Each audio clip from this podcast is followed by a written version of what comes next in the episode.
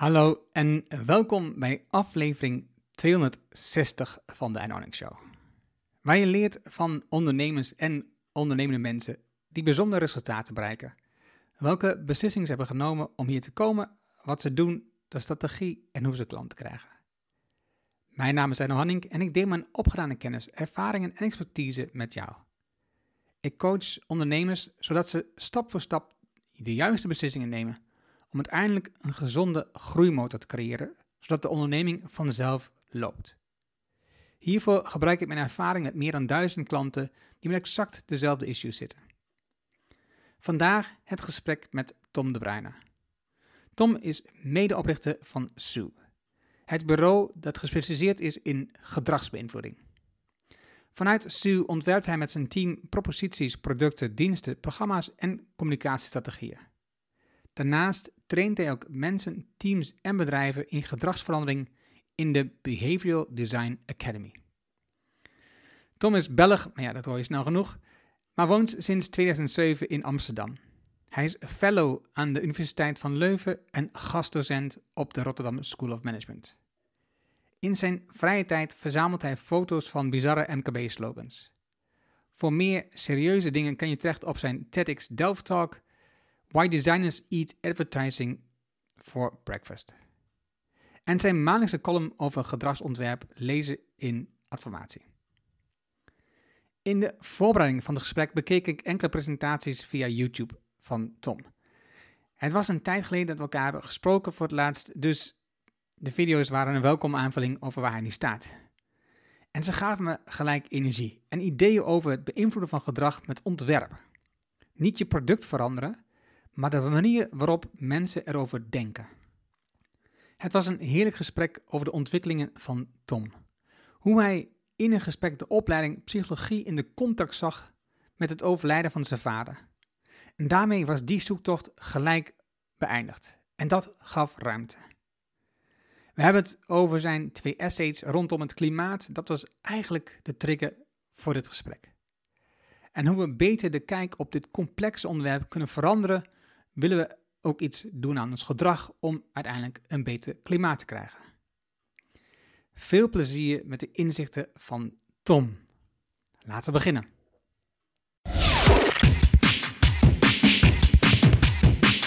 Welkom in de Erno Hamming Show. De podcast waarin je leert over de beslissingen om te groeien als ondernemer met je bedrijf. Luister naar de persoonlijke verhalen van succesvolle ondernemers en ondernemende mensen. Dan nu jouw business coach Erno. Vandaag zit ik met Tom de Bruyne. Tom de Bruyne en ik kennen elkaar vrij lang. Uh, ik durf niet te zeggen exact hoe lang, maar net zoals veel mensen die ik in de podcast heb, we kennen elkaar vooral online, digitaal. We hebben elkaar wel eens ontmoet, maar we kennen elkaar vooral online. We volgen elkaar ontzettend goed online. Um, ik heb je gezien van België verhuizen naar Amsterdam met Boondoggle, uh, je eigen kantoor beginnen, je winkeltje, um, uh, dus een online winkel met uh, sexy lingerie. Dat komt allemaal zo op terug. Um, wat ik meestal doe is dat ik even terugga naar het verleden. Omdat heel vaak als je in het loop van het gesprek um, uh, zit, dan, komt dus, dan zie je dus punten uit het verleden waardoor je nu staat waar je bent. En dat, en dat vind ik mooi om te ontdekken met, uh, met de gast. Dus Tom, we gaan even een beetje terug in het verleden. Jij oh, bent... Um, Oké, okay, laat ik gewoon beginnen met de Leo College in Brugge. Sint Leo College. Um, je hebt dat, um, zoals ik het zie, heb je daar iets gedaan wat lijkt op het VWO, toch? Je hebt daar een jaar of zes over gedaan. Ja. Um, was je een goede leerling?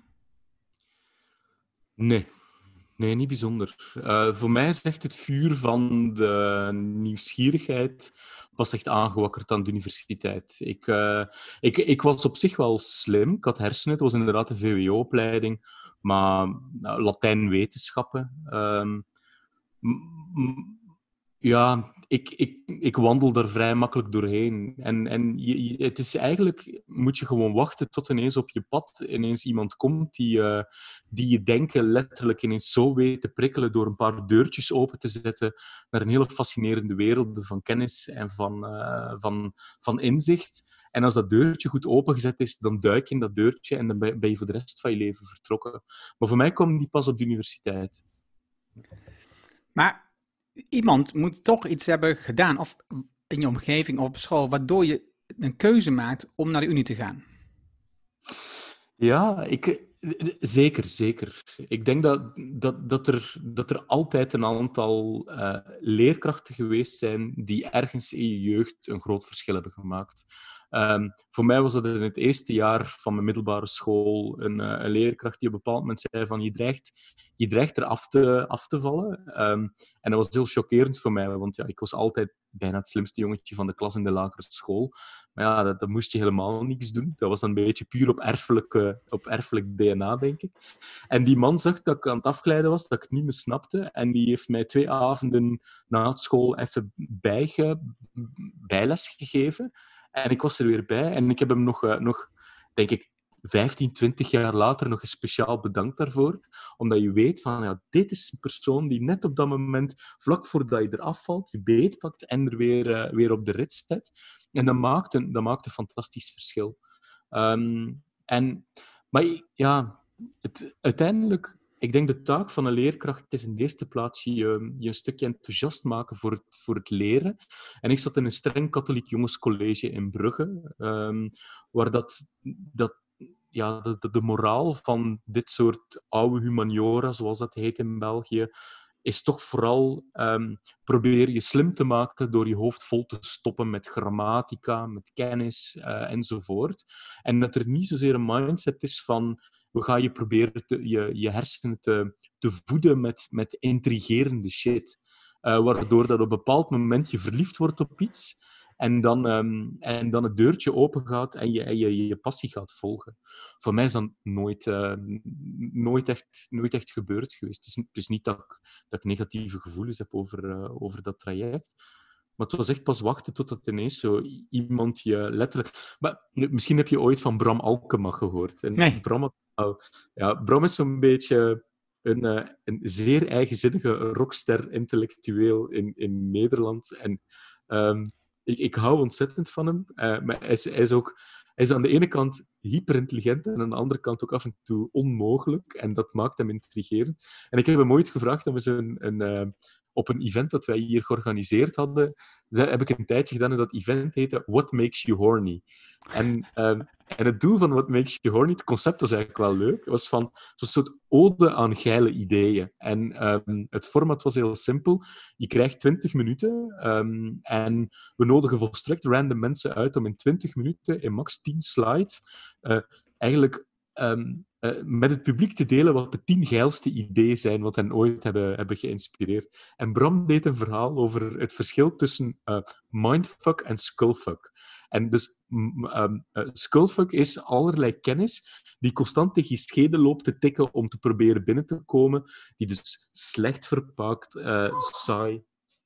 Um, ik hoor een kreet op de achtergrond. Ja slecht verpakt, saai, hyperrationeel. En hij toonde als, als tegenhanger, tegenhanger daarvan de mindfuck, mindblowing kennis. En dat was die robot van um, heet Boston, ja. Boston Robotica.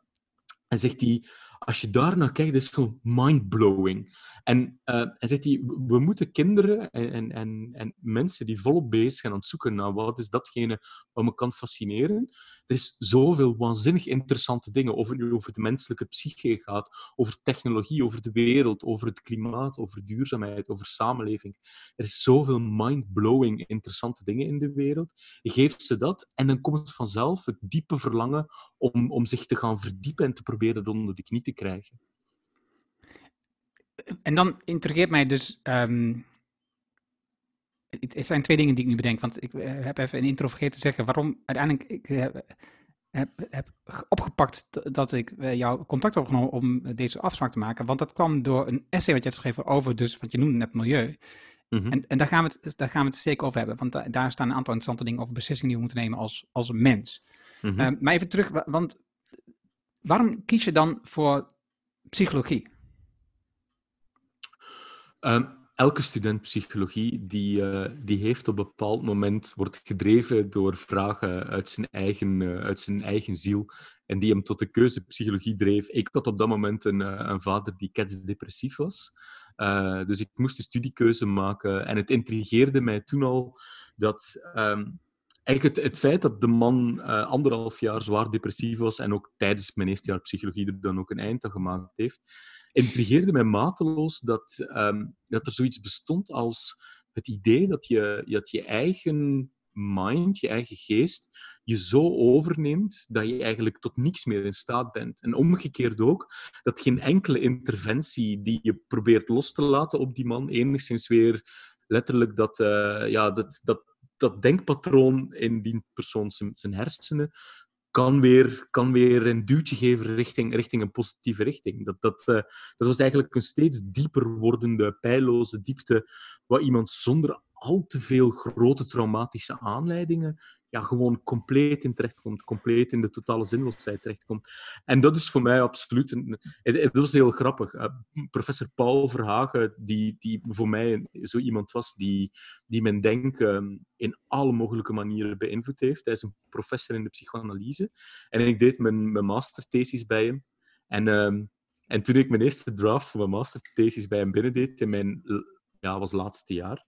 Uh, zei hij van, ja, ik heb je thesis gelezen, ja, super interessant, interessante punten erin, maar je hebt duidelijk rekening te verheffen met psychiaters. En ik dacht, en op dat moment dacht ik van, fuck, de man heeft gelijk.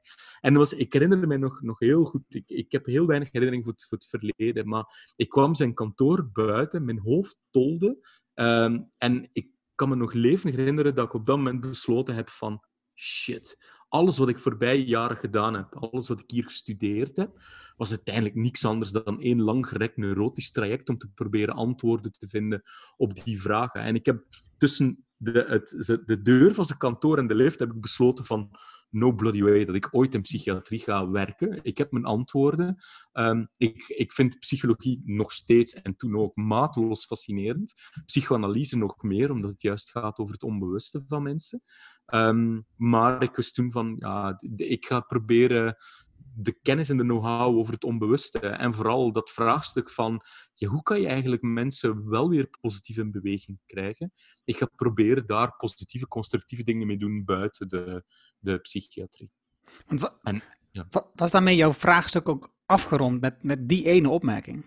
Ja, eigenlijk wel. Dat was waanzinnig. Dat was een interventie die inderdaad alles wat je voorheen aan het doen was, ineens letterlijk de puzzel een kwartslag draait, waardoor je de puzzel ziet. En dat is, dat is denk ik, um, dat is het, het prachtige aan het woord interventie. Uh, ik bedoel, ons bedrijf uh, heet Sue en is vernoemd naar A Boy Named Sue van Johnny Cash. Dus ik weet niet of je dat liedje al ooit gehoord hebt. Vast, maar ik weet, niet, uh, ik weet het zo niet. Nou, het liedje A Boy Named Sue van Johnny Cash gaat over een vader die zijn, zijn jongetje vlak na de geboorte Sue noemt en er dan vandoor gaat. En het jongetje wordt heel zijn leven gepest en dus moet om juist zonder vader en met zo'n naam door het leven te komen, kan niet anders dan constant zichzelf door het leven knokken. En als hij dan als volwassene op een dag die vader tegenkomt en hem wil vermoorden daarvoor, zegt hij, ja, je moet het zo zien, ik heb je juist die naam gegeven waardoor je wel moest gaan knokken en daardoor ben je de sterke vent geworden die je bent. En uh, af, is natuurlijk als verhaal klinkt het suf. Het liedje is waanzinnig mooi.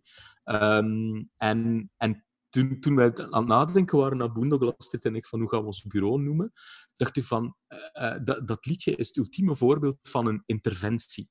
En een interventie is een heel rijke vorm van een creatief idee. Namelijk, kijk, in reclame is bijna een één op één idee. Ik, ik um, schets een beeld van iemand die er veel aantrekkelijker uitziet door het gebruik van de shampoo. Tada, koop deze shampoo.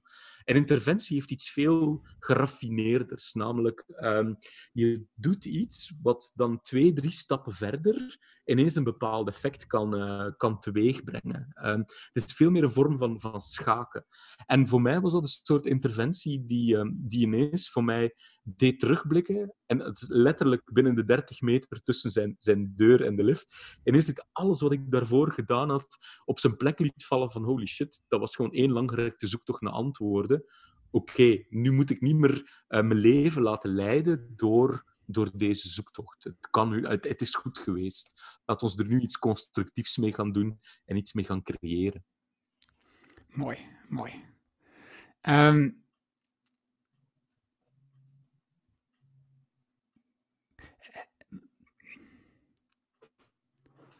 heb je. Wat, je, je- je noemde het net tussen neus en lippen door. Ehm, je vader eh, heeft er een einde aan gemaakt, hè? Uh-huh. Wat, wat, wat drijft jou daar nu nog in? Hoe impact dat op dit moment nog jouw, jouw leven?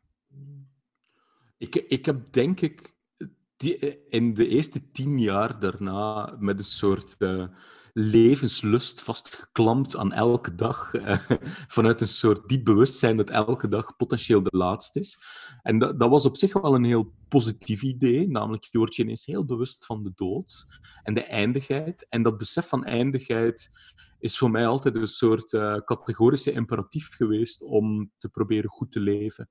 Ehm, en ja, ik, ik, ik, ik heb een redelijk oké verhouding met de dood. Ik ben me er heel bewust van.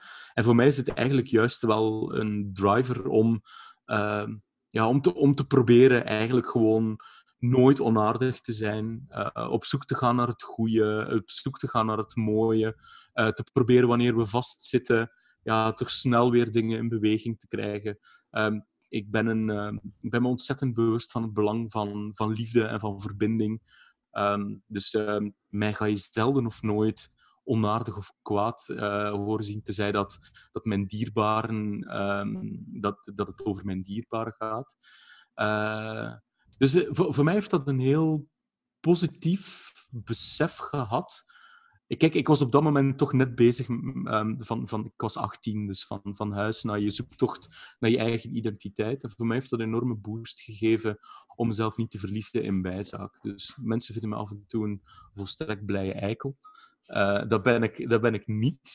Ik kan wel degelijk heel... eh, heel ehm, niet somber, maar soms wel worstelen met mezelf. Maar, maar, maar tegelijkertijd kan dat nooit lang duren. Het leven is, ik, het leven is te mooi en te kort eh, om, om er heel veel tijd aan te verliezen. En het zit echt in heel kleine dingen. Bijvoorbeeld, ehm, ik zie nooit het slechte in dingen. Ik ga altijd uit van het goede. En dat is letterlijk dat is een soort automatisch ding. Ik kan het niet zien. En als het, als het zich voordoet, dan ben ik eigenlijk altijd heel vergevingsgezind. Ik heb altijd zoiets van, ja, mensen zijn even hard aan het kloten om iets te maken van dit leven. En sommigen doen het gewoon iets loemper dan anderen. Ehm, ik ben er een heel vergevingsgezind. Ik denk dat het een fantastische levenshouding is. Voor mij klinkt het enorm als het eh, stoïcisme. Ik, ik haal Ja. het heel, heel vaak aan. Hè? Dus de, eh, stoïcisme is, ehm, ja, ik, vandaag kwam de podcast online van, met eh, het gesprek met Derek Sivers.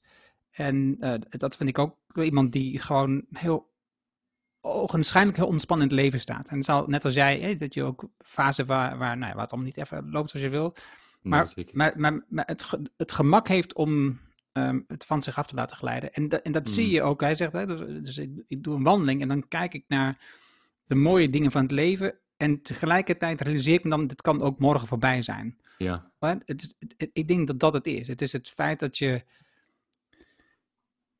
Het, en dat zie je in het stoïcisme. Dat zie je ook in, in de boeken van, van eh, Marcus Aurelius terugkomen. Marcus Aurelius, eh, waarin Mhm. hij schrijft... Hè, dus, dus, hè, dus het kan morgen gewoon voorbij zijn. Dus we moeten gewoon vandaag de dingen doen die van belang zijn. En ehm, dus een overwinning is niet, is niet van belang om te vieren. Hè, want eh, want dat is, dat, is, het is vandaag en morgen kunnen we dood zijn. Dus dat heeft niet zoveel zin.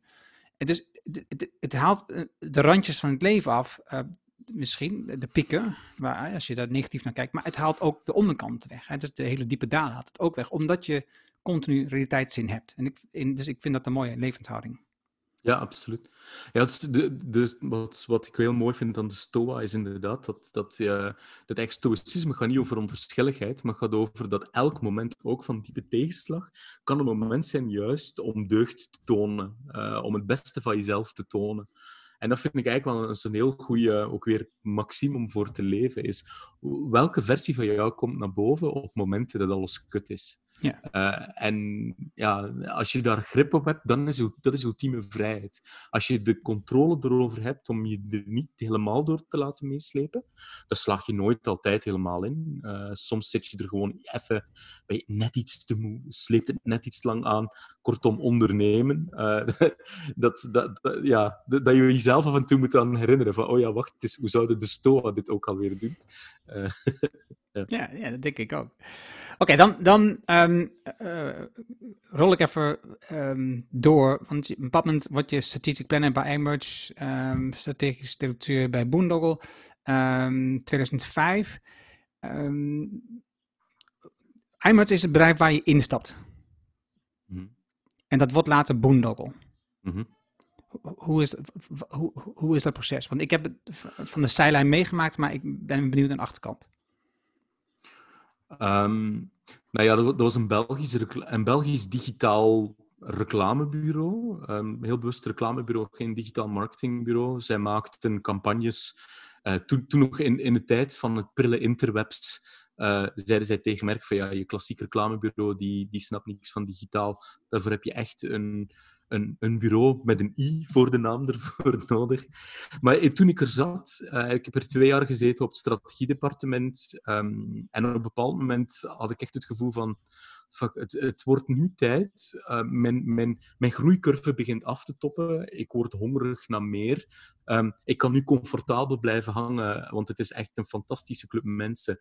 Um, maar dat ga ik langzamerhand, ga ik langzamerhand afvlakken. Dus ik ging naar de eigenaar en zei van ja, ik, uh, ik, ik ben hier echt heel graag. Ik heb uh, twee jaar fantastisch veel geleerd, maar ik moet er vandoor, want uh, ja, ik, ik, heb het gevoel dat, dat mijn leercurve hier ten einde is. En zegt hij van, nou wacht, voordat je hier een beslissingen neemt, ik had twee andere aanbiedingen op zak, zegt hij, um, we denken eraan om Nederland te starten.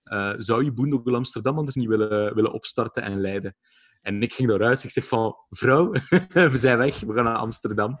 Um, en nou ja, dat zag ze op zich ook wel zitten. Mijn ex dan, op dat moment. Um, en ik dacht echt van, ja, dat wordt toch niks. Ik had geen ondernemerservaring. Uh, dus eh, dat wordt wellicht eens een, hopelijk een jaartje um, is, is, op, je, op je bucketlist kunnen afvinken dat je in Nederland gewoond hebt en in Amsterdam. Maar een stukje door het juiste momentum, heel veel geluk, een beetje talent, het goede verhaal op het juiste moment uh, is, is eigenlijk uh, zelfs in het midden van de crisis, want we zijn in 2007 begonnen, dus de financiële crisis begon toen net, zijn we eigenlijk erin geslaagd om wel degelijk een soort spraakmakend bureau te creëren. En uh, ik ben gaandeweg steeds verliefder geworden op, op Nederland. Uh, mijn ex die trok dit helemaal niet. Um, daar had ik al respect voor. Dus die is vrij snel terug naar België gegaan en gaandeweg zijn wij uit elkaar gegroeid. Um, en, uh, en ik ben in Nederland gebleven. En dan verliefd geworden op alles, hè, op Nederland, op de Nederlandse. Um, op uh, langzamerhand hier dan, dan uiteindelijk onze eigen onderneming gaan opbouwen. Um, en de, rest is history. Je, je, zegt het zo mooi, hè? dus je, je, je, komt, je hebt het gesprek met, met de eigenaar en hij doet je een voorstel en je komt thuis en je zegt, ik heb de keuze gemaakt. Maar wat is, wat is het denkproces dat je zo snel zo'n keuze maakt? Kijk, dat is, dat is, dat zeker een goede vraag. Um, wat, wat het is, is dat mensen de grootste illusie omtrent, um, omtrent keuzepsychologie is dat mensen kosten-batenanalyses maken, rationele overwegingen maken. Wat Kahneman in Thinking Fast and Slow, wat de kernles daarvan is, is dat mensen maken keuzes door eigenlijk andere vragen te beantwoorden. Ze zoeken de vraag die ze het meest interessant vinden omtrent de beslissing die voor zich ligt, en dan besluiten ze op basis van die vraag. Dus uh, als, je, als je een huis gaat zoeken, dan uh, weet de makelaar, de, de, slimme makelaars, die ga je echt al vragen van kijk, en hier is dat ze aan de bank staan en dat kan dan de kinderkamer zijn. En de vraag die je dan beantwoordt in je hoofd is, zie ik mezelf in dit huis wonen? En dan ga je nadien postrationaliseren waarom je 50.000 meer gaat willen uitgeven dan dat je eerst initieel met elkaar had afgesproken. En dus hetzelfde geldt voor mijn beslissing om naar Nederland te komen. Is de vraag die in mijn hoofd zat, was eigenlijk heel simpel van wauw, op kosten van het bedrijf, een avontuur naar Nederland, what can go wrong? Uh, en, uh, en dus ik, ja, ik, ik, ik heb het gewoon, in mijn hoofd was het een vraag rond, zullen we eens gewoon, we zijn toen, we waren 30 misschien, we hadden nog geen kind, we waren bezig met een adoptieprocedure. Um, uh, dus dat, mijn eerste zoontje hebben, we toen ook in mijn eerste jaar in Nederland uh, kregen we ineens telefoon van uh, ja, je mag je, je, je, zoon gaan halen in Ethiopië. Um, maar maar uh, dat, dat, was de vraag die we toen beantwoord hadden. En als, als die vraag gesteld werd, was eigenlijk het antwoord erop heel simpel. In, in zo'n geval, ik zat net, uh, uh, ik, jij, ik, in een presentatie van jou noemde je het boek um, um, Thinking Slow and Fast. En, mm -hmm. um, en dus ik dacht, oh ja, ik moet, ik moet dat even oppakken. Het, het, gaat natuurlijk ook continu over beslissingen en over beslissingen ja. die je onbewust neemt in systeem 1 en beslissingen die je bewust neemt in systeem 2. Ja. Um, maar eigenlijk uh, niet waar. Je doet de meeste beslissingen onbewust in systeem 1 en je gaat dan bernaties maken in systeem 2 om ja, te verantwoorden dat je beslissingen eigenlijk had genomen. Um, Weet je overigens hoeveel procent van, want het is een deel natuurlijk wat je, wat je wel, waar je bewust over nadenkt, hè, waar, je, waar je bewuste keuze maakt. Weet je hoeveel procent bewust is, waar je echt expliciet over nadenkt?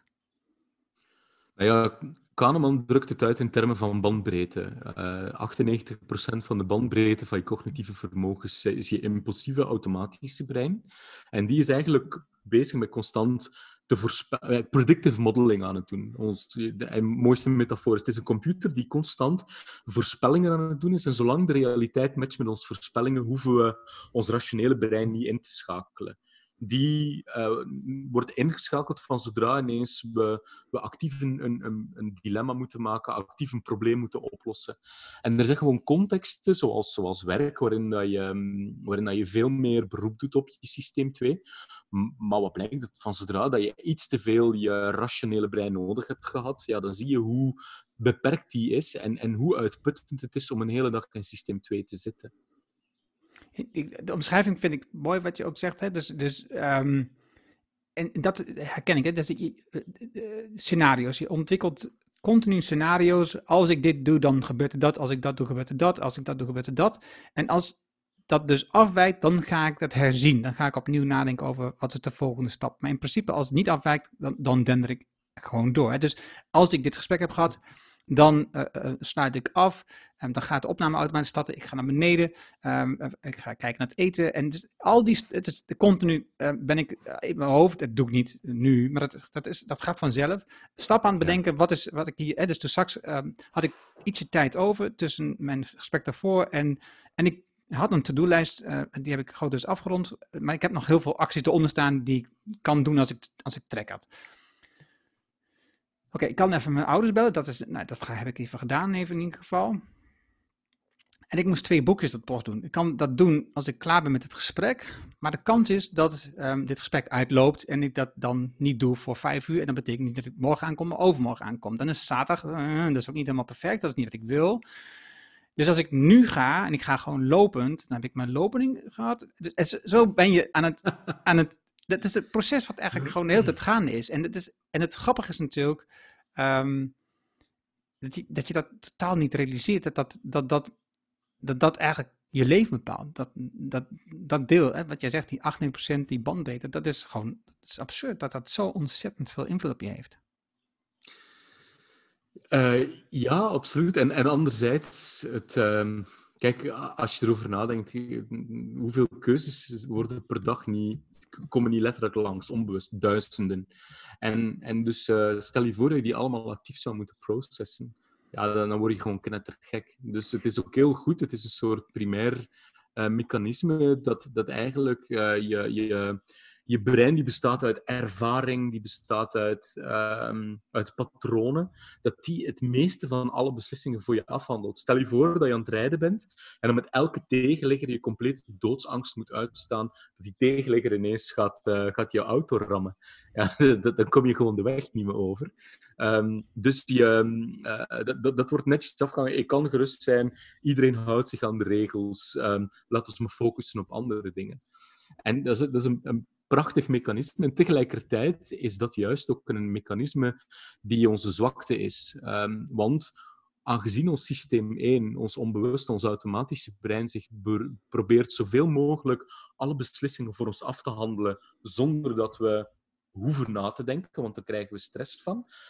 Dat zorgt er ook voor dat die systeem 1, dat automatische brein, heel manipuleerbaar is. Ehm, en dat is uiteindelijk wat, uh, wat constant gebeurt. Is, uh, we worden ja, ja, die smartphone, absoluut. Die is ontworpen om je constant weer via die notificaties in het, uh, je, je, er naartoe te, te, te zuigen. En, en die notificaties die zijn niet zomaar het is niet zomaar de notificatie, het is de dopamine rush die je beloofd wordt door telkens opnieuw te kijken van wie is dit berichtje, van wie is deze like, uh, enzovoort. En iemand zei een tijd geleden, dat vond ik een heel mooie, we're trapped in a race to the bottom of the brainstem. En dat is wat, wat Silicon Valley... Ik denk dat Tristan Harris was.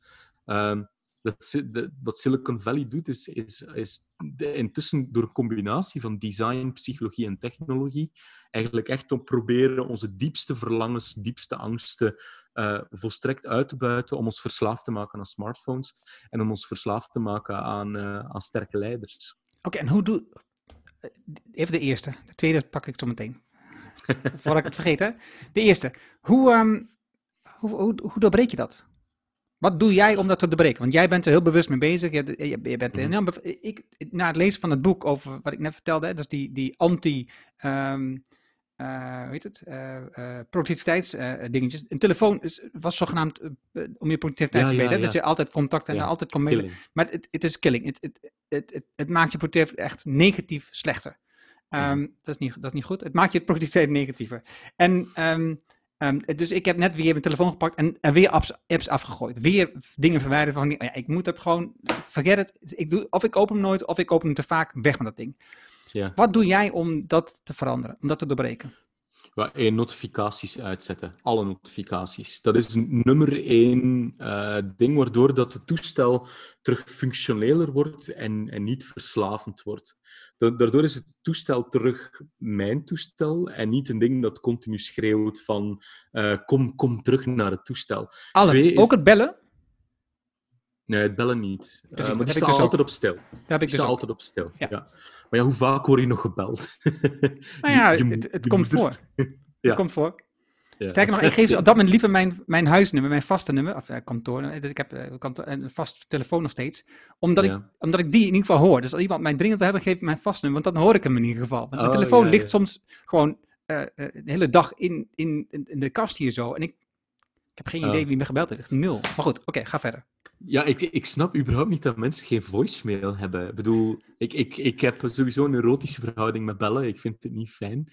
Dus um, omdat ik geen grip heb op een telefoongesprek. Dus, dus ik laat het liefst van al gewoon rinkelen. Dan komt hij op voicemail en dan kan ik de voicemail afluisteren. En ik kan een appje terugsturen. Dus voor mij werkt dit.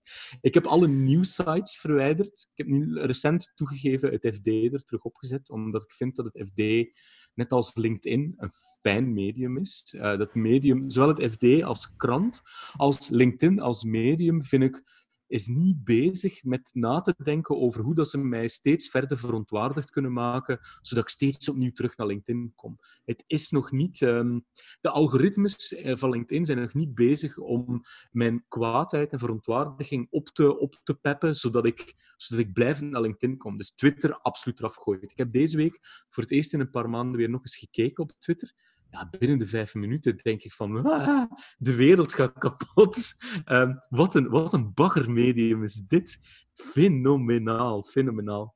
Um, en, en dat is denk ik een beetje de rode draad doorheen al die technologie, is dat ze beginnen als een, misschien in, in aansluiting wat jij ook net zegt over dat boek, ze beginnen als een, als een tool die er is om ons te helpen, maar gaandeweg draaien ze allemaal naar uh, een soort monster dat eigenlijk, um, eenmaal dat, dat ze steeds meer over ons weten, dat vervolgens gebruiken om, om, omdat het doel van de tool is niet meer jou te helpen, maar jou steeds meer in de tool te krijgen. En ja, dat, dat is wat bijvoorbeeld zo'n Tristan Harris uh, heel, heel, heel goed aanklaagt. Um, en en al, alles verandert. Ik zag nu ook, ik denk, oh, podcast. Dat is nog het enige medium dat niet aan die, aan die wet van, van zo, dat technology goes dark, Dat is het enige medium dat er niet aan verantwoordt. Ja, tot vorige week. Want nu blijkt dat Spotify heeft de Joe Rogan podcast voor 100 miljoen gekocht. Dus het doel van de Joe Rogan podcast is nu eigenlijk dat jij naar Spotify gaat om naar Joe Rogan te luisteren. Ik denk van, ja, daar gaan we weer. Nee, ik heb afscheid genomen van Joe Rogan nu. Ja? Serieus? Simpel. Ja, simpel. En buiten dat, hij staat op YouTube, dus dan kan ik nog altijd daar kijken. Ah, oké. Ja. En, en, en vooral van, van, van Joe Rogan, YouTube, je hebt daar eh, de clips van de Ja. aflevering. Dus, dus Die zijn hebt- beter. Precies. Daar ben ik het mee eens. Ja. De- even terug naar eh, net, hè, je, je zei twee dingen. ehm, de, de, de mobiele telefoon, maar ook de leiders. Mhm. Hoe doe je dat? Dat is mijn favoriete onderwerp in de hele wereld. Kijk, ik ben mateloos gefascineerd door, ehm, door populisme en, en, en door, door datgene wat er tegenover zou moeten staan, wat ik contrapopulisme noem. Ehm, populisten die spelen een ander spel dan gematigde politici. Die snappen heel goed dat eh, het winnen van verkiezingen gaat uiteindelijk over het veroveren van de harten van de massa. En ehm, populisten zijn massapsychologen. Die snappen heel goed hoe dat je tot de onderbuik kan spreken. Hoe dat je eigenlijk echt tot de, ehm, ja, tot de diepere angsten en diepere verlangens van mensen kan praten. En populisten snappen heel goed dat mensen niet zitten wachten op jouw beleid. Die willen gewoon het gevoel hebben dat jij hun kwaadheid vertolkt, dat jij hun verontwaardiging vertolkt. En dus daarom is populisme zo'n vreselijke kracht. Daarom heb ik zo'n intense bloedhekel aan alles wat dat eh, eh, ja, met name rechts- of extreemrechts populisme is, is omdat er niks constructief tegenover staat. Het is alleen maar rete gedisciplineerde uitbuiten, opfokken en opkloppen van, eh, van angst, van kwaadheid, van verontwaardiging. En, ik, ik, ik, ik denk gelijk aan Hitler. Ja, ja. Ja, ik had er deze week met iemand over. Ze zei, dat, dat, je mag niet, dat mag niet die vergelijking maken. Dat is de wet van Goodwin. Is dat, eh, ja, dat, dat hoe langer een, een conversatie duurt, wordt de kans groter, bijna 100%, dat op een bepaald moment het woord Hitler valt. Echt waar? En, dus- ja, ja, ja. ja. En dus, dus veel mensen, als je dat dan doet, zeggen dat je, ja, dat mag niet. Dat is de wet van Goodwin. En dus die, man- die man met wie ik tegen had, is historicus. En die zei, wat een bullshit. Je mag toch, als, als ik de geschiedenis niet mag gebruiken om mijn punt over vandaag te maken. Dus ik vond het heel bevrijdend. Dus dank je wel. Dat is absoluut Hitler. Ja. Maar jij vertelt dat en, en, ik, en, in mijn hoofd komt het gewoon op, dit is gewoon Hitler. Dit is gewoon, want in, in, ik heb de MAVO gedaan, in eh het examenjaar was ehm, propaganda het onderwerp. ja, propaganda in de ja. Dus een magisch onderwerp vond ik dat ook. hè. Mhm. Dus, dus beïnvloeding van de mens met teksten, pamfletten. ehm, eh, ik, ik, vond het zo'n zo'n gaaf onderwerp. En nog steeds, ik, af en toe kijk ik een, een of andere eh, film of wat dan ook van de oorlog. En als je ziet hoe, hoe doortrapt die mensen waren. Het is gewoon Ja, echt ongelooflijk. Ja. En dat is wat elke populist ter wereld doet. Is, eh, is constant dat, dat op, opstirren, opfokken van die, van die kwaadheid en die verontwaardiging. En eigenlijk, ehm, m- em, ja, elk draaiboek is hetzelfde. Het gaat altijd over de immigrant gaat je werk afpakken en de, de politiek die, eh, die heeft je bedrogen, want die zetten de grenzen open en zijn er alleen maar voor, voor zichzelf, voor de migranten en niet voor de gewone man. Dat valt amper tegenop te debatteren. En dus ehm, mijn ding waar ik wakker van ligt, is van hoe kan je ervoor zorgen dat constructieve, gematigde politici, voor mij maakt het niet uit of die eerder wat rechtser of linkser zijn, dat vind ik minder relevant, maar überhaupt mensen met een idee over hoe gaan we de ultieme welvarende samenleving met elkaar gaan creëren in de toekomst. Ja, hoe zorg je ervoor dat die eh, niet, niet wat, wat heet, eh, met, met, met, gewoon met keukenmessen naar een gewerenvecht gaan? Eh, want, want een een populist, ik, zag het laatst op tv, ik heb toevallig een, ehm, een stukje coaching gedaan voor de voorzitter van de, Belgische, van de Vlaamse Socialistische Partij. Zo'n jongen van 26 jaar, echt een politieke rastalent. En die had voor het eerst een debat met de ook eigenlijk even jonge, of redelijk jonge leider van, van het Vlaams Belang, dus de fascistische partij in België. Ja, en ik zat te kijken en ah, de, ik werd er echt onpasselijk van. Is dat rete gedisciplineerde spelletje van constant maar die verontwaardiging opkloppen, waardoor dat je bijna altijd als winnaar uit een debat komt. Want je, je, hebt, je hebt net iets dieper met het, diepste onbewuste van mensen geconnecteerd. En je komt gewoon meteen over als, kijk, dit is de man van het volk, die praat over wat de mensen echt denken. En zie daar de vertegenwoordiging van de politieke elite, die toch allemaal ingewikkelde woorden gebruikt. Niet dat hij dat deed, want, want ja, hij zegt gewoon heel goed. Maar je bent zo ineens de...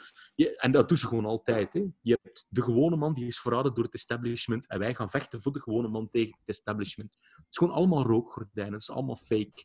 Uh, het is gewoon allemaal een spelletje. En technologie en psychologie, op, die samenkomt in propaganda... Um, heeft een soort perfect storm gecreëerd waarvan dat de nazi's zouden zeggen, om Hans Steven te parafraseren, also, also, also. dit, dit is gewoon... Ja, had Hitler Facebook gehad? Um, een punt die, die... Hoe heet hij ook alweer? Uh, Borat. Uh, dat is...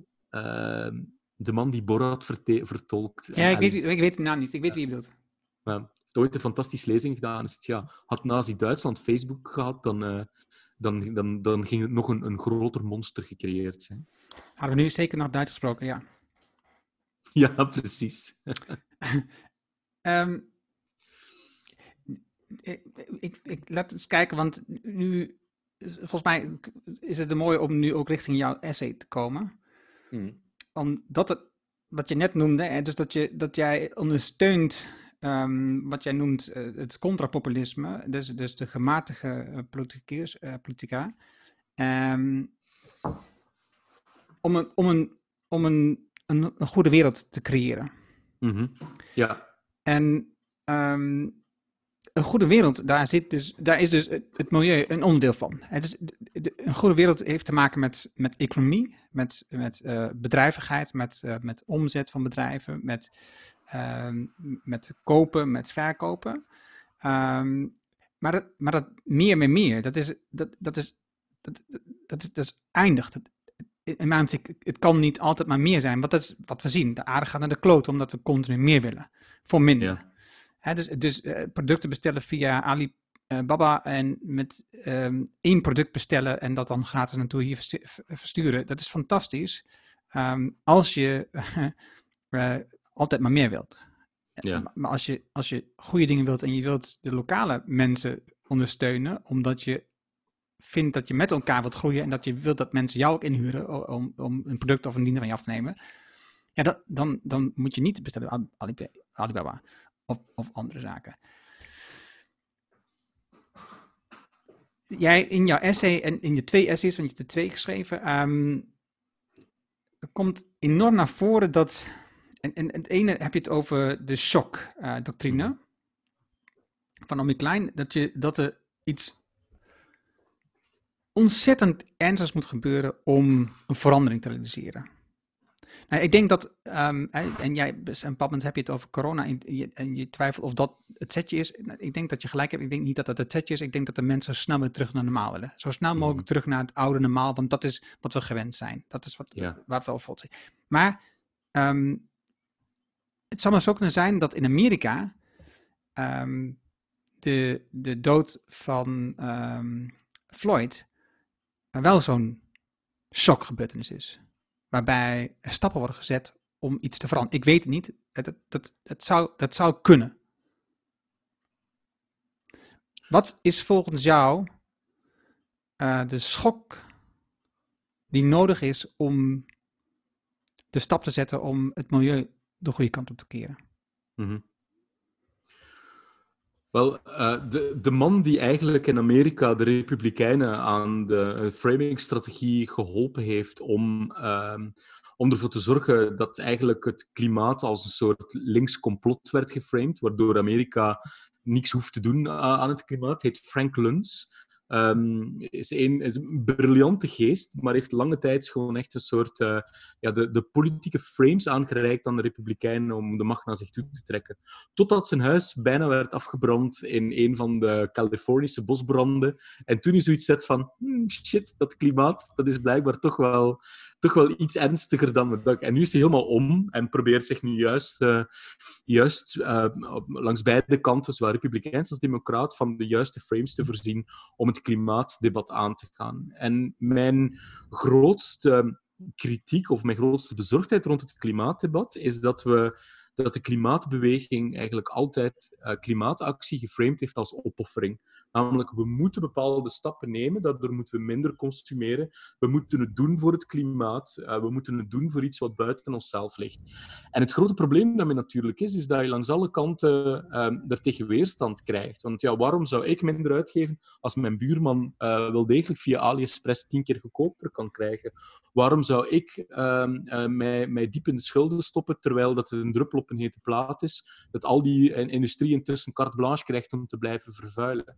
Dus dat gaat gewoon niet werken, omdat, omdat mensen muurvast zitten in ja, maar kijk eens rond mij, niemand anders doet het.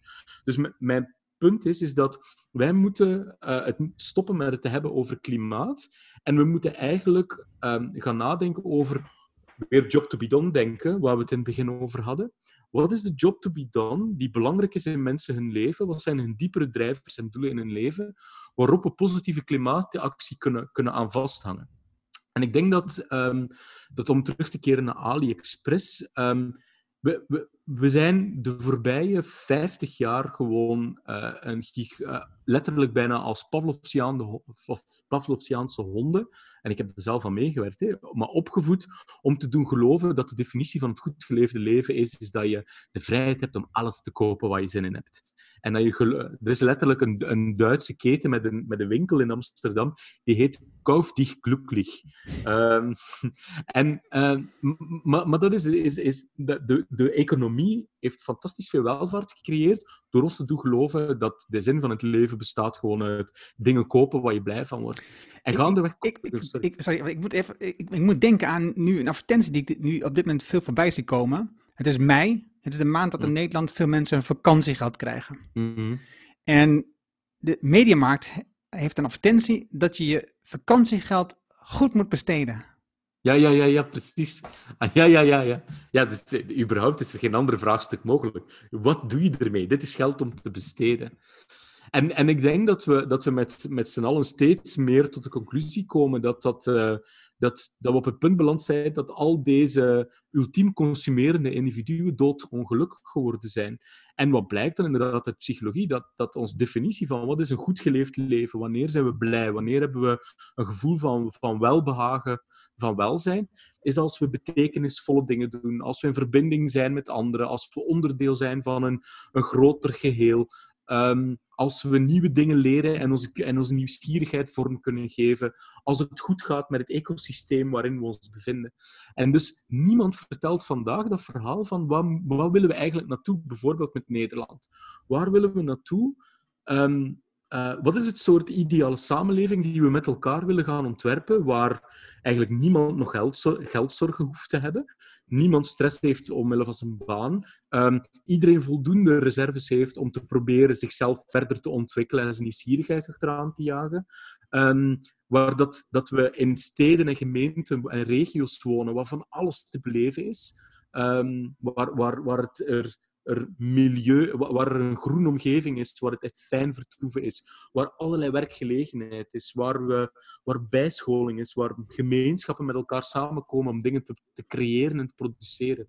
En al die dingen zijn, zijn systematisch ontmanteld geweest. En niemand vertelt dat verhaal. En dat is daarom voor mij de grootste teleurstelling van bijvoorbeeld de groene beweging. Ja, dat is een en al verhaal van schuld en boete het milieu, we, moeten gestraft worden, want het klimaat bijt eindelijk terug. Ja, je hebt gelijk, maar dat zet niet aan tot actie.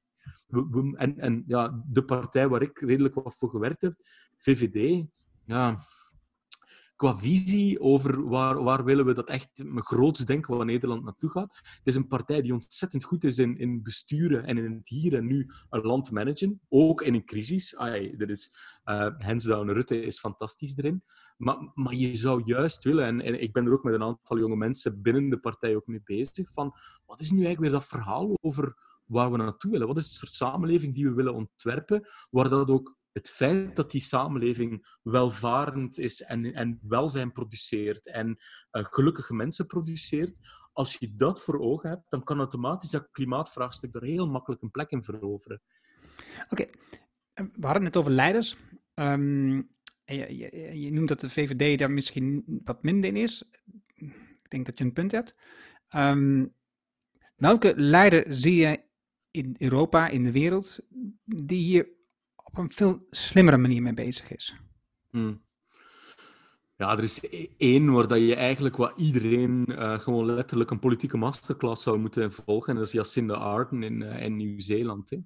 De belichaming van het juiste soort leiderschap. Uh, niet toevallig een vrouw, een vrij jonge vrouw, um, die consequent in staat is om mensen met elkaar te verbinden, ook mensen met heel tegenovergestelde ideeën, die in staat is om dapper beslissingen te nemen, uh, die moeilijke beslissingen heel goed weet uit te leggen, die naar niemands pijpen danst, die continu de stip op de... In feite als een goede, als een goede leider ook van een onderneming, continu de, het vizier houdt over wat willen we naartoe met dit land. Um, en, uh, en, en zichzelf niet een, stukje wel natuurlijk. Uh, het, is, het is fantastisch PR rond zichzelf. Maar ik denk dat zij een, fantastisch faciliterend leider is. En ik wil daarmee Mark Rutte niet afvallen. Die is ook een, qua, qua iemand die mensen kan verbinden en een team, um, uh, zelfs een extreem lastig team om bij elkaar te houden, dat toch in slaagt. Ja, dit is, de strafste politicus die we hier hebben. Ik zie, ik zie wel binnen VVD een, een heel hongerige jonge generatie die, uh, die veelbelovend is en die wel ideeën heeft. Um, maar ik denk dat, dat Jacinda Arendt in Nieuw-Zeeland, ja, dat is, dat is Champions League. Dat is gewoon een klasse apart. En wel heel interessant, hè? vrouwelijk leiderschap. Faciliterend vrouwelijk leiderschap, die zichzelf als, als soort ondersteunend leider neerzet om een volk in een bepaalde, of een natie in een bepaalde richting te brengen. Ja, grappig genoeg denk ik dus dat Nederland uh, dus het verhaal met Floyd is, heeft heel veel discriminatie te maken. Uh, uh, maar dat, dat, politiegeweld en discriminatie. Maar dat, dat, hebben we hier natuurlijk nog steeds. We hebben hier ook mm. discriminatie van de vrouw. Weet je? Mm. Dus, dus we hebben um, vrouwen die een bepaald moment keuzes maken die niet uitpakken zoals verwacht. En um, ze worden opgeroepen om op te stappen. Het, mm -hmm. als, als mannen een vergelijkbare fout maakt, dan, dan is er in mijn optiek veel minder geluid, dat soort geluiden. Um, mm-hmm. En dus dat Zeker. maakt het natuurlijk voor vrouwen ook gewoon in Nederland nog steeds heel erg ingewikkeld, um, moeilijk om als leider op te staan, omdat je met de minste geringste fout wordt neergezabeld. En dus, ja. dus, dus daar hebben we beslist, en heb ik niet eens over uh, discriminatie rondom uh, huidskleur, maar alleen al de discriminatie rondom man-vrouw, die is nog steeds zo ontzettend aanwezig in Nederland, waar, waar we um, ja, nog steeds, denk ik, veel te winnen hebben. Eens, absoluut eens. Wat, wat is. Want, want je hebt mijn oorspronkelijke vraag nog niet uh, beantwoord, dus ik, ik stel hem even opnieuw. Um, wat is volgens jou de shock die zou moeten plaatsvinden in Europa en Nederland en de wereld? Maar laten we even maar Nederland houden. Om, om die verandering die jij voor ogen hebt, om die te realiseren. Mm -hmm. dat, dat we met z'n allen op die manier gaan kijken naar de wereld. Hè? Want want de stapjes die je nou voorstelt, die zijn zo klein. De vraag is of we op tijd zijn om, om binnen 30 jaar dat te realiseren. Nee. Als we geen shock hebben. Nee, precies. Dus we hebben een shock nodig, een shock nodig en een script nodig dat eenmaal dat het shock zich voordoet, dat we dan, zoals Rutger Bregman laatst in een heel mooie essay zei, dan grijpen we in tijden van een crisis grijpen we naar de ideeën die er dan op dat moment liggen. En dus we moeten eigenlijk echt nu al de ideeën hebben over hoe ziet eigenlijk zo'n, zo'n wijze van spreken, klimaatneutrale, ultiem welvarende Nederlandse samenleving uh, eruit. Uh, als we als ineens onder druk van klimaatrampen um, evenveel miljard en tril, triljard gaan moeten uitgeven om, om die samenleving razendsnel tempo vorm te geven. En dan denk je inderdaad, dan, dan moet het toch gaan over oogsten die mislukken, hevige heibranden die, uh, die gewoon de helft van het Nederlandse bossen platleggen, droogtes. We hebben nu de voorbije jaren en, en ook tot, tot vandaag maar weer, we vinden het heerlijk, het mooie weer, maar it, freaks me out. Ik bedoel, twee maanden aan een stuk geen druppel regen. Dit is het begin. Hè. Dit is nu nog een soort die, die langzame, uh, wel, weldadige, uh, weldadige opwarming die nu nog lekker voelt. Um, maar, die, maar die gewoon in één rechte lijn gaat naar steeds drogere zomers. Um, dus, dus het, het moet uh, dingen van dit soort orde zijn. Ik, er wordt ook, um, wat, waar we ons niet bewust van zijn, is dat bijvoorbeeld ook op de Zuidpool er hele stukken op platen op scheuren staan. En als die volledig afscheuren en dan afdrijven, dan gaat ineens die zeespiegel veel sneller stijgen dan die graduele, lineaire millimeterstijging die we nu hebben. Um, dus dus het, het wordt gewoon ontzettend onstabiel. Afrika, sprinkhanenplaag. Wie sluit uit dat we hier uh, evenzeer... Ik bedoel, kijk naar corona, maar we hebben hier nu ook een parasietenplaag. We hebben nu ook een, een virusplaag. Het kan even goed zijn dat over twee, drie jaar we ineens uh, die, die sprinkhanenplaag uit Afrika hier alles kapot vreet. En dat we er naar kijken en denken van, oeh, didn't see that one coming. Net als dat we keken naar China en dachten van... ah, dat gaat ons voorbij. Ja, ja, precies. Laten we nog maar carnaval, carnaval vieren in Brabant. Ja. Ons kan niet gebeuren. Ja. Uh. Um,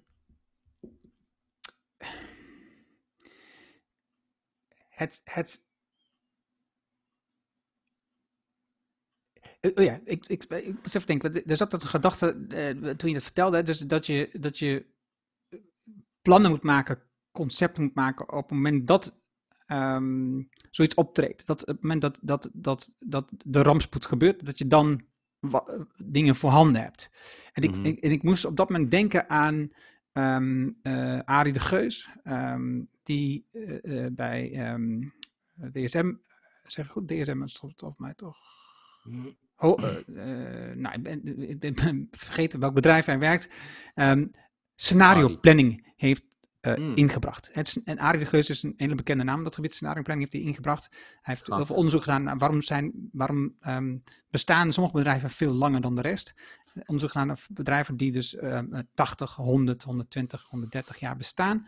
En wa waarom, waarom is dat? En um, scenarioplanning uh, speelt een belangrijke rol in de ontwikkeling van je bedrijf. Omdat, en, dat, en dat moet je dus ook oefenen en spelen wat hij beschrijft, en dat is een mooie aanvulling wat jij zegt, is als je, als je niet in scenario's denkt, en dat sluit een beetje op ons, op ons um, systeem 1 ook, hè, maar dan, dan, je ziet het wel, maar je brein kan het nog niet vatten. Hè? Dus je ziet wel dat in China het virus er is, maar je brein kan nog niet vatten dat dat hier ook zou kunnen gebeuren. Nee. Maar als je dus werkt met scenario's, verschillende scenario's ontwikkelt en daarop mee speelt, dan kan je brein wennen aan zijn situatie. En dus kun je eerder schakelen op het moment dat het wel optreedt. Ah ja, dat is wel en, een goeie. En dus is het interessant om wat jij zegt, dat soort, dat soort plannen te ontwikkelen over hoe die wereld eruit ziet. Want we hebben echt op dit moment geen enkel idee hoe het eruit ziet. Ja. Het is, dat is zo ver weg van waar we nu zijn. Nu zijn we nog bezig met um, uh, geld verdienen, uh, aandeelhouderswaarde en um, belasting ontduiken. En allemaal dingen om ervoor te zorgen dat we zoveel mogelijk geld genereren in een bepaald kort yeah. tijdsbestek. Want dat blijkt het belangrijkste zijn waar we niet gelukkig van worden overigens, wat je, wat je al beschreven. Um, dus, dus die wereld waar we naartoe moeten is nog zo ontzettend ver weg dat, het, dat we het niet kunnen vatten in ons brein. Dat we het ook dus niet het is, iemand kan het wel vertellen, dat is waar aan toe, maar dat, dat, dat past gewoon niet. Dat is dat idee wat je aan het begin schetste. Het kan gewoon niet het brein in. Nee, nee. Nee, dus... nee, nee, precies. Ik denk rond het klimaat uh, zijn we aan het meemaken wat, wat die, uh, weet die vijf stadia van Elisabeth Kubler-Ross rond rouw. Is, uh, stadium 1 is ontkenning, dan bestrijden, dan onderhandelen, dan depressie en dan erkenning. Um, en, en je ziet het nu langs, eerst de ontkenning, nou ja, dat hebben we de voorbije, voorbije jaren gehad is dat, uh, dat van zodra dat je het onderwerp uh, aansneed, dan was, was, kreeg je meteen op social media uh, altijd wel iemand die, die de case moest maken dat het toch allemaal nog niet bewezen was en, en dergelijke. Nu zijn we tegen dat, en, en, en, en dus eerst na ontkenning voelde dan ook echt uh, heel hard tegenduwen. Ik denk dat we nu in dat punt voorbij zijn en dat we nu tussen, tussen uh, bestrijden en depressie zitten. Is van, nu beginnen we wanhopig te worden. En we gaan nog proberen ze te onderhandelen met het lot, maar ja, dat gaan we niet geraken. En wat jij zegt is dat scenarioplanning gaat erover van, ja, maar hebben, waarom kunnen we niet al een beeld schetsen van hoe zo'n um, weerbare, duurzame, uh, CO2-neutrale samenleving eruit kan zien, zodat wat er ook gebeurt, dat we, dat we dit gaan overleven en, en, en dat, dat, dat de welvaart van deze samenleving niet eronder kapot hoeft te gaan. We hebben intussen toch technologie en verbeeldingskracht genoeg om daarmee bezig te zijn. Maar iedereen is in het hier en het nu aan het managen en er is nog geen, geen plek of zo voor groots denken in het politieke discours. Wat is jouw rol daarin? uh, ik, ik word er wel heel blij van, van, van te proberen uh, daarover na te denken. Ik, uh, ik hou van, um, van uit allerlei verschillende disciplines uh, nadenken over, over betere beslissingen nemen. Ah, en dan komen we weer op het begin van deze podcast uit. Maar ja, dat, deel, dat deel zat niet in, zit niet in deze aflevering, vertel ik. Dat was het deel wat we van tevoren besproken. oh, oké, okay, oké. Okay. Ah, cool. Um, ik ja, ik, ik, ik, ik lees graag, ik, ik lees van alles. Ik ben nu bijvoorbeeld bezig met het boek Wilding van Isabella T. Uh, en het gaat echt over een soort, uh, over in feite een Oostvaarderplassenproject, maar dan ergens in Engeland. En het is een, een pleidooi over al die landbouwgrond die langzamerhand verlaat wordt en teruggegeven wordt aan de natuur. Hoe kan je ervoor zorgen dat we, dat we de natuur in sneltreintempo weer kunnen omzetten in heel levendige, uh, productieve ecosystemen, uh, waar, waarin dat, dat het leven ervan afspat, um, waar dat ook heel veel CO2-sequestering plaatsvindt, waar dat de natuur dat er ook een stuk een plek wordt waar dat we met fascinatie doorheen kunnen lopen. Echt mega fascinerende materie. Um, ja, dat is inderdaad het vraagstuk. Is van, kunnen we dat, dat klimaatverhaal weer sexy maken? Kunnen we tot de verbeelding weer laten spreken, zodat mensen niet meer met hun kwaadheid en verontwaardiging uh, en desillusie stemmen, maar weer vanuit een frame van hoop stemmen? Kunnen gematigde politici, politici niet meer in godsnaam um, veredelde midden, middenmanagers zijn die gewoon op de boel passen en op de cijfers letten, maar weer mega inspirerende mensen die onze visie kunnen, kunnen vertellen over uh, van kom aan mannen, we gaan die kant op en, en dit is het verhaal uh, die we samen gaan creëren. Kunnen we uh, technologie en psychologie gebruiken om ook weer die totale disconnect tussen beleid maken en mensen, kunnen we die weer op een manier bij elkaar brengen? Wat je nu ook ziet, is dat, ja, is dat ook het publieke debat of participatie een beetje gegijzeld wordt door toch wel zo het meest zure soort uh, van, van buurtbewoners en actiecomité's. Ja, dat, ja, het is allemaal goed bedoeld, maar dat gaat de wereld ook niet veranderen. Dus er is heel veel werk te doen om iedereen weer ja, warm te maken. is dat jouw warm. levenswerk van nu? Ah, ik denk het wel. Hè. Dat is super betekenisvol, toch? Oké, ik, wil, ik wil even nog, uh, voor, voordat we hem afsluiten, eh, wil ik nog even um, terugkomen op een paar dingen die me intrigeren. Um, even uit het milieu voor duidelijkheid, even terug naar jouw historie.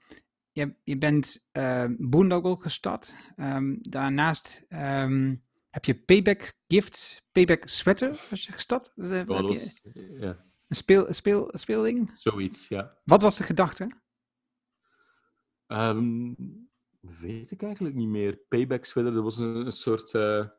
Oh ja, het idee erachter was een, uh, een kerstcadeau voor, voor mensen in je familie waar je een hekel aan hebt. En dat was toen op dat moment waren van die, echt die hipsters droegen van die spuuglelijke truien, die uh, lelijke sweatshirts.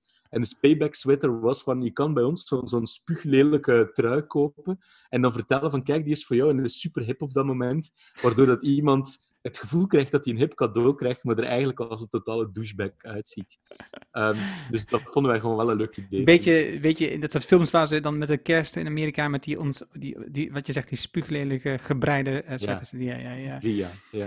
En dan, dan begin je, uh, nou, niet dan, dat is daarvoor, al ben je samen met je, volgens mij, was ik, als ik goed heb vertaald, met je huidige partner, um, ja, Salon hoe spreek je dat? Desir? Desir, ja. Desir. En we put... Oh, sorry. Dan begint mijn, dan begint mijn dingetje. We put classiness into sexiness. ja. Ik, ja. Ik, ik, zag dat ik dacht, wat, wat, wat wij aan doen nu? Wat is, eh, je, je hebt, je, je, hebt je, je, je, je, je organisatie, je bedrijf, um, um, bureau, moet ik zeggen, dat wil ik zeggen, je bureau. En dan heb je een shop uh, met je partner. Wat, wat, hoe, hoe kwam dat? Ja, in het bureau heb ik ook met mijn partner. Nee, wij dachten op een bepaald moment toen wij Soes starten van eigenlijk als we ons klant willen adviseren over, uh, over hoe dat je onder andere klantgedrag kan beïnvloeden, dan, dan moeten we, dan moet, put your money where your mouth is. Dus we dachten van, dan moeten we eigenlijk gewoon zelf achterhalen hoe dat, dat werkt. Dat spel van acquisitie, activatie, conversie, retentie. Dus dachten van, laten we een, een webshop starten. En toen dan een beetje nadenken, dachten van, oké, laten we dan één doen waar we enigszins wel vrolijk van worden, die op zich wel een leuk, een leuk idee is. Dus het werd Salon Désir en het idee was een, webshop die handelt in verlangen. Maar ja, om dat dan in te vullen moet je dan uiteindelijk gewoon lingerie verkopen. En dat was op zich wel luxe lingerie. Maar dat was gewoon een heel dom product om uiteindelijk mee te gaan werken. Want ja, je moet van elk product moet je tien verschillende maten doen. Um, en um, dus we, kregen het aan de praat. We hebben er heel veel uit geleerd. Maar na drie maanden dachten we, wat zitten we hier in godsnaam te doen? We zijn al uh, fulltime bezig met proberen Sue van de grond te krijgen. Dat was in ons eerste jaar. Uh, en dan zit hij weer s'avonds ook nog dozen in te pakken met lingerie om te versturen. Ja, dat was gewoon geen, geen goed idee. Maar we hebben er heel veel uit geleerd. Uh, ik heb hier nog steeds, we hebben hier nog steeds een aantal dozen staan, ik denk voor, voor 10.000 euro aan luxe lingerie, die we toch eens gaan moeten um, proberen kwijt te geraken. Um, Marktplaats, doet goed. ja, precies, precies. Uh, um, zoals, zoveel, zoals 90% van alle dingen die je doet als ondernemer, zijn het eigenlijk domme ideeën die mislukken. Maar het zijn uiteindelijk, die moet je ook doen. Dat zijn de kilometers die je moet maken om uiteindelijk uh, uh, wel iets te vinden wat wel succesvol is. Dus ik kijk er ook niet met schaamte op terug. Nee, nee, ik, ik, ik, ik kan me helemaal vinden in je stelling. Ik heb niets anders gedaan dan een fout te maken, dus dat scheelt. uh, dan, dan oh, het, het een opvallende ding was, je, je, je, je zegt dat je de Behavioral Economics groep uh, al bent gestart in 1975. wat, wat, wat is dat? Ja, ik, op een bepaald moment uh, zat ik ergens uh, in, in, in, een soort denktrip over de Behavioral Economics Group. Dat was met die Bram Alkema waar ik het met jou over had. Uh, en en, en het begon op café met wat gegniffel. Zo'n beetje van, stel je eens voor dat de Behavioral Economics Group eigenlijk al met elke belangrijke beslissing uit de geschiedenis, een beetje zoals Forrest Gump of Zelig van Woody Allen, dat eigenlijk achter de schermen het altijd al de Behavioral Economics Group was die uiteindelijk aan de touwtjes trok. En dat, dat, dat liep helemaal uit de hand. Dus ik heb er op een bepaald moment wel een LinkedIn-groep rond gecreëerd en de URL geregistreerd van de Behavioral Economics Group. Ik sluit niet uit dat ik er ooit nog iets mee ga doen. En dan laat je zien dat dit allemaal onderdeel was van jouw spel. Ja, ja precies, precies. Niks is wat het lijkt. Uiteindelijk trekt de Behavioral Economics Group aan alle touwtjes. Oké, okay, um, uh, ik wil in ieder geval um, even zeggen voor jou, namens jou, dat met je bedrijf doe je, met Sue, doe je drie dingen. Je geeft in-company trainingen, um, je geeft open trainingen rondom uh, behavior design. Gedragsverandering, ja. En je doet sprints bij bedrijven om uh, producten, websites, uh, communicatie aan te passen, zodat je dat, die gedragsverandering kunt realiseren. En dat, en dat ten goede, uiteraard. Hè. Dus, dus, je kan het natuurlijk ten kwade gebruiken, maar jullie zijn uiteraard van plan om het ten goede te doen. Ja. Um, uh, en ik zou zeggen, als, als, jij, als, je, als je meer over wilt leren en je wilt wat meer snappen van die gedragsverandering, um, kijk naar twee presentaties. De, de, de, recente, die is denk ik het, het, het meest eh, die, ja, die voelt meer van nu aan. The Future of Innovation is Psychology. Um, dat is van 2019 een talk die gegeven. En je hebt een TED-talk gedaan in 2012. Daar zitten ook elementen al heel erg duidelijk in. Um, dus mm. ik, vond, ik vond dat dus super interessant om dat, om dat van je te zien. Uh, hoe, hoe, oh, hoe, hoe, dik je daarmee bezig was dat moment al. Um, en ook dat je, dat je leert als, als, als mens hoe design je gedrag beïnvloedt. Dus, dus hmm. jij, een bepaald in die presentatie toon je aan dat designers kick-ass uh, de, de advertisers, weet je wel. Dus adverteren is fantastisch. Um, flikker op, het gaat om design. De design zorgt ervoor dat je dingen oppakt en dingen doet, ja of nee. Ook je gedrag verandert. Um, dus ja, dus dat, is, dat is zeer leerzaam om daar meer van uh, te begrijpen. En uh, je hebt verschillende boeken genoemd, ook in die presentatie heb ik heel veel opgeschreven, dus ik zal dat uh, in de show notes opnemen. Mm -hmm. um,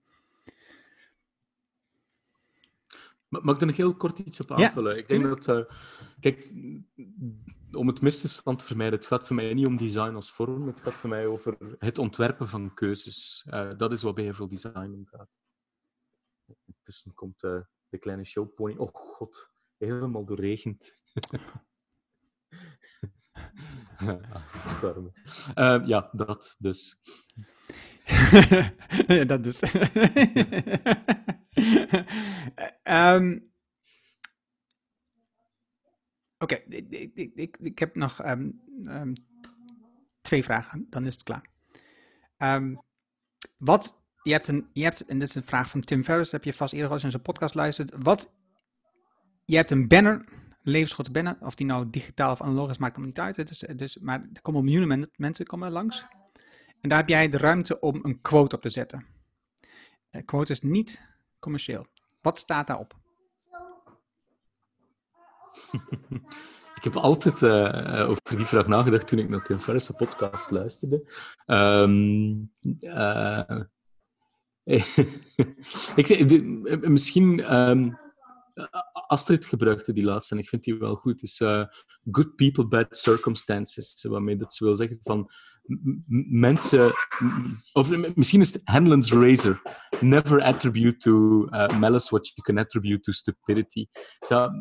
Mensen zijn veel minder slecht of kwaadaardig dan dat je zou denken. Uh, uiteindelijk probeert iedereen ook maar wat aan te klooien om tot het goede leven te komen. En we zijn allemaal aan het sukkelen, dus wees een beetje vergevingsgezind. Het leven is al te kort. Ja, dat is nog veel, maar ik zou zeggen, never attribute to malice what you can easily attribute to stupidity. Oké, dat is mooi. Uh, wat is het boek wat jij het meest hebt weggegeven of um, waar, waar het de meeste impact op je op je hebt gehad? Ja, dus, dus uh, don't get me started, zou ik zeggen. Um, ik heb er één die, die ik echt uh, die voorbije jaar het meest heb weggegeven. Dat is het boek Alchemie van Rory Sutherland. Een fantastische introductie in um, menselijke irrationaliteit en hoe dat je die menselijke irrationaliteit beter kan begrijpen om betere producten te maken, betere uh, marketing, uh, betere bedrijven te bouwen. Uh, wow. Dus dat is, ja. Roy Sutherland is sowieso is een combinatie van ultiem, echt ziek intelligent, heel grappig en, en zo dat, dat, dat British flegma. dus het is, is een heerlijk boek om te lezen. Okay, hij, hij is ook op, op Storytel, kan je hem ook in audioboek. Ja, ik lees, ik lees eigenlijk het meest op Kindle, dus dat, ik, ik ga hem zo dadelijk gelijk bestellen. Oké. Okay. Waar, waar kunnen mensen jou bereiken? Aha. Uh, SueBehavioralDesign.com. Uh, de, de URL Sue Amsterdam lukt ook. Uh, behavioraldesignacademy.com. Die kan je ook gewoon aan via SueBehavioralDesign.com. Dat is voor de trainingen. De blog, de Behavioral Design blog, is zeker de moeite om te lezen. Ik heb een wekelijkse nieuwsbrief, die heet Behavioral Design Digest. Daar ga ik eigenlijk, probeer ik wekelijks het spotlicht te zetten vanuit um, beïnvloedingspsychologie op iets, iets wat zich afspeelt in de wereld. Um, uh, dus abonneer je zeker op de nieuwsbrief. Gewoon op de website naar beneden scrollen. Dan kan je inschrijven op de nieuwsbrief. Ik heb ook een, een beetje geïnspireerd door jou trouwens. Uh, op LinkedIn een uh, behavioral design mini-course lopen. Uh, dus ik probeer telkens binnen de 1200 tekens dat LinkedIn je biedt, probeer ik elke um, één of twee keer per week een begrip uit de behavioral economics of uit de overtuigingspsychologie aan de hand van een voorbeeld toe te lichten. Uh, en dus zit ik intussen nog een, een vijftiental. Maar ik vind het op zich wel heel tof om te doen. Krijg ik heel toffe reacties op. Dus volg me gerust op LinkedIn. Zoek Tom de Bruyne. Er bestaan er een paar, maar ik ben de enige echte. Tom, super, dankjewel. Um, graag tot een volgende. Ja, super. Heel graag. Fijn gesprek, dankjewel. Dat was het gave gesprek met Tom. Je vindt de namen en links die we noemden in het artikel dat bij deze uitzending hoort. Ga daarvoor naar ernohanning.nl slash show 260. Wil je vanzelf meer van dit soort afleveringen op je telefoon krijgen elke week? Eenvoudig. Heb je een iPhone, dan zit er standaard de Apple Podcast app op. Open deze app en zoek de Ernohanning Show op. En klik op abonneer. Heb je een Android-telefoon? Ook simpel. Installeer dan eerst de Player FM app bijvoorbeeld. Zoek opnieuw de Anonymous Show op en klik op abonneer. Heb je vragen, opmerkingen, reacties over deze aflevering met Tom of over de podcast in het algemeen? Stuur dan een e-mail naar podcast.ernohanning.nl Ik weet dan dat dat voor de podcast gaat. Ik hoor super graag van jou. Gebruik de crisis om veranderingen te realiseren. Ontdek hoe je innovatie juist nu kunt versnellen en 9 gouden tips die je nu kunt doen voor je marketing. Wil je leren met welke beslissingen je sterker uit deze crisis komt met je team? Vraag dan het boekje Betere beslissingen rondom een crisis aan op Erno Dit is mijn nieuwste boekje en je downloadt het helemaal gratis. Je hebt zelfs geen e-mailadres nodig. Wil je de papieren versie van het boekje? Dat kan ook. Je betaalt alleen de verzendkosten. Het boekje blijft gratis. Mijn nieuwste boekje vraag je nu aan op ernorning.nl en het is gelimiteerd in uitgaven, dus vraag het nu aan. Je leest het in één avondtijd. Dankjewel voor het luisteren en graag tot de volgende. Dankjewel voor het luisteren naar de Erno Hanning Show op ernohanning.nl.